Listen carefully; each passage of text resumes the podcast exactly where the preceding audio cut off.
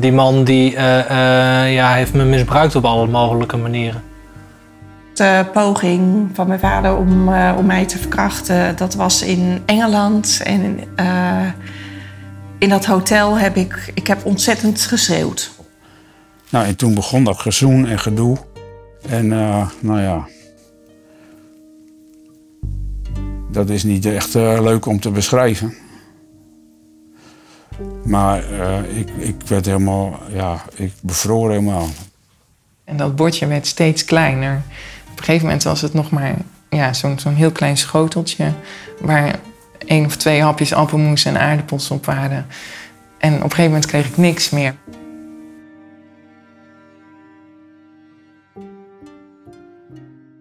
Aan het woord zijn Nina, Wouter, Liane en Jacob. Zij vertellen hun verhaal over fysiek en seksueel geweld. Agressie die ouders op hen als kind uitoefenden. Verhalen van onzekerheid, eenzaamheid en schuldgevoelens. Deze podcast voor Stichting Open Mind bij het project Wij doorbreken de cirkel van geweld gaat over kindermishandeling en misbruik. Wat doet het met je en wat is nodig om dit geweld te stoppen?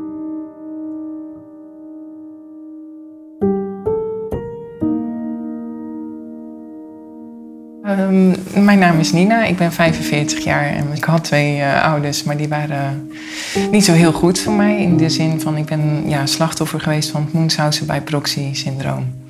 Dus dat is een vorm van eh, kindermishandeling. Eh, ja, eigenlijk ben ik al vanaf mijn geboorte slachtoffer geweest. Dus uh, bij proxy is een ernstige vorm van kindermishandeling... waarbij de pleger ja, een ziekte verzint, verergert of echt toebrengt... En dat kan zowel op lichamelijk als op psychisch of op sociaal vlak zijn. En bij mij is het ja, echt extreem ver gegaan dat ik zo ziek werd gemaakt dat ik uh, het bijna niet overleefd heb. Dus ja, ik, uh, ik kreeg heel veel gevaarlijke medicatie en uh, ja, ik kwam in een rolstoel terecht en op een gegeven moment helemaal in een bed, zeg maar. Dus, en ja, geen eten meer, maagbloedingen en ja, net op het nippertje werd ik dus gered door een hele oplettende kinderarts. Ik heb geen warme moeder gehad. Ik heb geen liefde gekend in de zin van uh, wat een moeder zou moeten geven. Hè? Dus de, de, de, veilige basis, zeg maar, dat heb ik uh, niet gekend. Dus dat heb, dat heb ik wel gemist ja, als kind. Nina werd als kind slachtoffer van de ernstige psychiatrische aandoening van haar moeder. Ook Jacob werd verwaarloosd door zijn ouders. Hij groeide op in Rotterdam in, zoals hij het zelf omschrijft, een asociaal arbeidersgezin, waarin hij werd misbruikt door zijn moeder. Mijn vader heeft altijd gedronken en mijn moeder is op een duur mee gaan doen. Dus zijn twee alcoholisten. En dat is, uh, heeft er behoorlijk ingehakt, ook bij de anderen. En ik heb bijvoorbeeld ook uh, foto's gevonden van, uh, van hem en van mijn moeder, die seks hadden met neven, met nichten van ons. Wat daarna gebeurde is dat mijn moeder alles besprak met mij. Niet met mijn vader, maar met mij. Dus ook, ook de gezinsproblematiek, ook de seksuele problemen die ze met mijn vader had. Mijn moeder, ja, die besprak dat allemaal met mij. En op een gegeven moment, ja, eindigde dat ook in bed. Heeft mijn moeder zei van, op een gegeven moment, ik weet al wat je wil. Nou, en toen begon dat gezoen en gedoe. En uh, nou ja, dat is niet echt uh, leuk om te beschrijven. Maar uh, ik, ik werd helemaal, ja, ik bevroor helemaal. Ik werd stijf. Ik, ik, ik kreeg, kreeg geen beweging meer. Ik, van binnen ging er van alles. Uh, je wil het niet en je kan niet weg. En je wil het niet. En uh, ja, toch gebeurt het. Nou ja, de, de, volgende dag was het weg.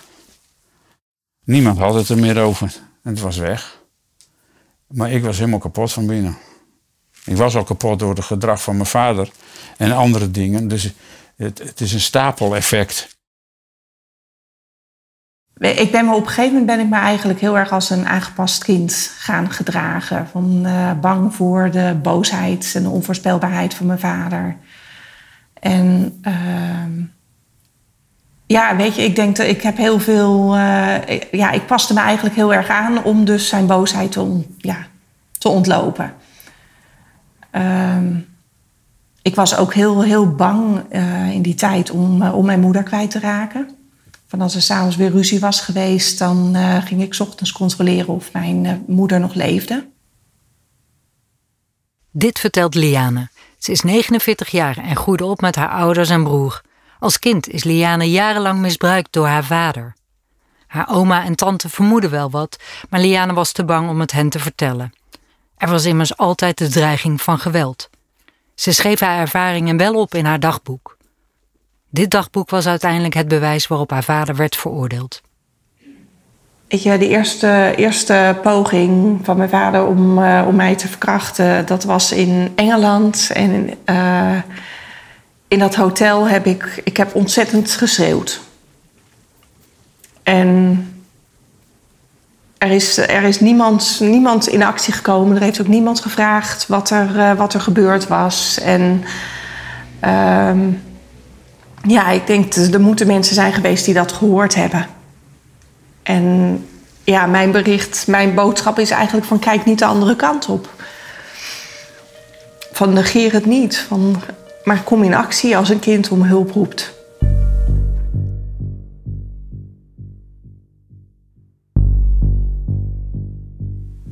Dus ik denk ook dat je als kind uh, onbewust uh, meerdere steunpilaatjes uh, gaat zoeken.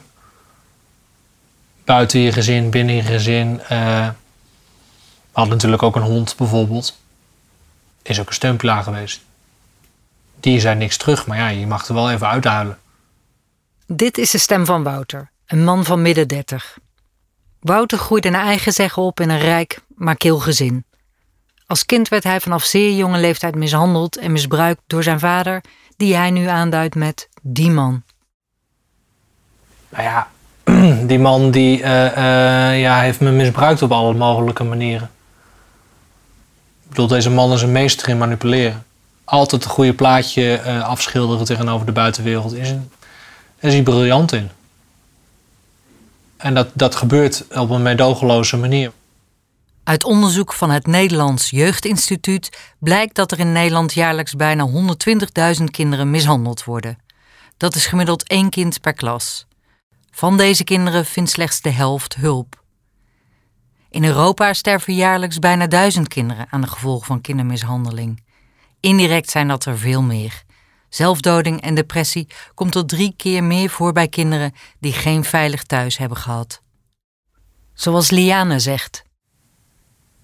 Op een bepaald moment uh, was ik ontzettend uh, overspannen. En ik durfde ook de straat eigenlijk niet op. Uh, zo slecht zat ik op dat moment in mijn vel. Als ik terugkijk, ik ben eigenlijk heel depressief geweest. Ik, ik, ja, het ging op slot. Ik was heel eenzaam. Dat was het grootste punt. Ik ben heel eenzaam geworden. Niemand die mij hoort, niemand die uh, erop reageert. Mijn moeder, die, ja, die vertrouwde ik nu ook niet meer. Geen mens meer eigenlijk. Ik vertrouwde niemand meer. Ik heb de, de, het advies gekregen van de psycholoog probeer alsjeblieft toch te gaan schrijven wat, wat jij hebt meegemaakt. Want ik kreeg ook hypnotherapie om, in hypnose wat meer te kunnen vertellen.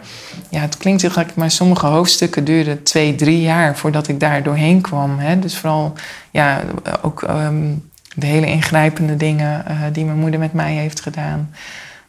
Um, ja, dan, denk je twee, drie jaar. Ja, twee, drie jaar. Weet je wel? En ik moet ook zeggen, pas toen ik een, een hele fijne relatie kreeg met een vriend die ik nu nog steeds heb, uh, waar ik heel gelukkig mee ben, toen pas kon ik um, echt het aangaan met therapie. Dus toen heb ik negen jaar in totaal therapie gehad om het trauma ja, te doorlopen eigenlijk.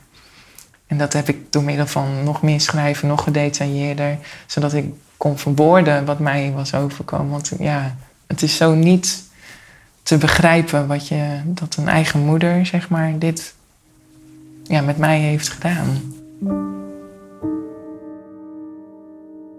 Dit zegt Nina.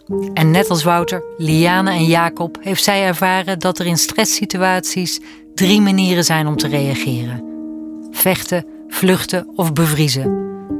Kinderen die mishandeld of misbruikt worden binnen hun gezin kunnen niet vluchten en kunnen ook niet vechten doordat er sprake is van een sterke afhankelijkheidsrelatie met een ouder. Bevriezen is dan de enige optie. Het gevolg is dat kinderen het misbruik ondergaan zonder verzet. En dit leidt tot een enorm schuldgevoel, schaamte en een laag zelfbeeld. Schade die niet altijd gerepareerd kan worden. Uh, ik heb mij als kind altijd heel schuldig gevoeld. En ook heel bang om niet geloofd te worden. Dat, je, uh, ja, dat mensen zeggen, ja, maar dat gebeurt toch niet en dat kan toch helemaal niet. Het voelde voor mij ook. Uh, toen ik me los heb geprobeerd te koppelen van mijn ouders, voelde het voor mij alsof mijn vader gewoon ook te machtig is. Achteraf was het makkelijker om afscheid te nemen van mijn vader dan van mijn moeder. Omdat mijn vader kan ik vrij makkelijk over zeggen van ja goed, die vent is knetgek. Klaar. Wat hij gedaan heeft, ja, dan spoor je niet. Dan, dan zijn er echt een paar dingen gewoon wezenlijk mis. Maar wat mijn moeder heeft nagelaten zit veel complexer in elkaar. Dat wat, wat je overkomt niet jouw schuld is. Iemand heeft het recht gewoon niet om jou pijn te doen. Ik heb heel lang zoiets gehad van ik had dit of dat moeten doen. En achteraf denk ik van ik had het niet anders kunnen doen dan hoe ik het heb gedaan.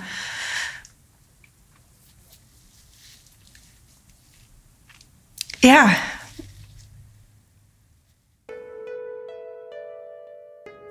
Die kracht die zie ik ook terug uh, in het feit dat ik op een gegeven moment zei van ik zeg geen papa meer. En dat ik uh, hem alleen in zijn initialen ging uh, beschrijven. Ja, ik denk ik ben ergens mezelf toch altijd serieus blijven nemen.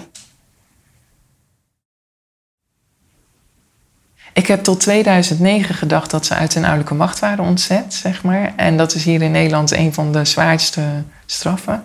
En toen kwam ik erachter dat ze een OTS hebben. Nee, ik moet zeggen, ze zijn eerst zes maanden geschorst uit de ouderlijke macht. Toen ik dus in het ziekenhuis lag met verlenging van twee maanden. En toen uh, is dat omgezet uiteindelijk in een OTS, een ondertoezichtstelling. En dat was voor mij wel even slikken, want ik dacht van nou, dat is mijn troost. Van ze hebben in ieder geval een straf gehad, maar die hebben ze dus nooit gehad. En ik heb zelfs nog overwogen om aangifte te doen. Maar ik kwam weer in hetzelfde stuk van ze zullen het nooit herkennen. Dus zal het voor mij alleen maar een heel zwaar proces zijn. En dat wil ik niet. Dus toen heb ik het omgezet in een missie. Van nou, het is mij overkomen. Maar ik ga er iets mee doen. Ik ga zorgen dat hier voorlichting over komt en zoveel mogelijk bekendheid overgegeven wordt. Ik heb, ik heb gewoon 30 jaar, misschien wel 40 jaar, uh, eigenlijk niks over gezegd. En ik, ik denk van, ja, het was ook moeilijk hoor. Van een moeder die een kind misbruikt, dat bestaat niet. Je kunt het negeren heel lang, maar je doet jezelf ook tekort. En eh, als ik het tegen anderen mag zeggen, man, praat erover. Jacob geeft het duidelijk aan. Praat erover en zoek hulp. Dat is echt moeilijk. Ik ben naar zo'n bijeenkomst geweest voor mannen. Ik was de enige die praatte. Die mannen zeiden niks. Het is jou niet jouw fout. Ook al ben je 19 of 12 of 4. Die eerste keer, daar ben je stuk. Je bent gewoon kapot. En dat ligt niet aan jou. En wat eruit voortvloeit, al die mankementen. Dus realiseer je dat je het niet gewild hebt. En dat het het je aangedaan is. En praat erover. Zoek iemand.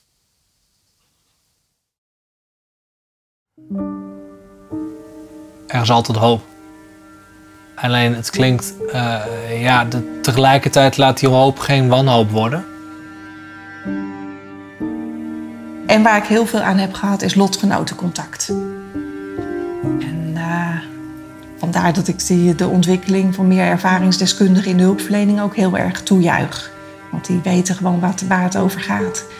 Die weten waar je tegenaan loopt. En die weten dat het soms heel lastig is om bepaalde dingen te benoemen. Of dat daar eerst een opbouw naar nodig is om dat eh, te kunnen, te kunnen uiten. Eindelijk ben ik helemaal compleet. Het, is, het hoort erbij. Het is, het, is geen, het is geen stuk wat je eraf kan snijden. Je kunt het negeren heel lang. Maar de- je doet jezelf ook tekort. Dat kinderen mogen beseffen dat het ook hun schuld niet is geweest. Dus ik hoop dat dat, zeg maar, dat ik dat mee kan geven. eh, ja, dat kinderen gezien worden. Ik ben iedere dag gewoon zo blij dat ik die keuze heb gemaakt om mijn ouders eh, vaarwel te zeggen. Om daar niet meer mee te willen omgaan.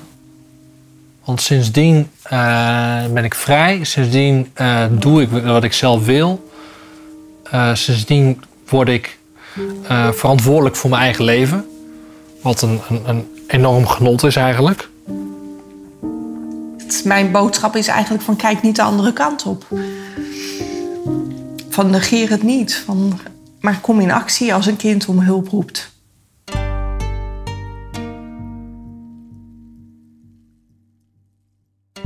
Met het project Wij doorbreken de cirkel van geweld willen we huiselijk geweld en kindermishandeling onder de aandacht brengen. De visueuze cirkel van geweld en de overdracht van generatie op generatie doorbreken. Wij kunnen met elkaar een veilig netwerk vormen rondom de slachtoffers, daders en hun omgeving. Dit is een podcast over kindermisbruik in opdracht van Stichting Open Mind. Research en productie Reineke Schermer en Esther Thiele van Studio Groen en Geel. Interviews Mirjam Bekker-Stoop. De muziek is van Cyril Directie en Len van der Laak. Montage Studio Airforce. Wij danken Jacob, Liane, Nina en Wouter voor hun persoonlijke verhalen en inzichten. Meer informatie over dit project van Stichting Open Mind vind je op stichtingopenmind.nl/slash wij.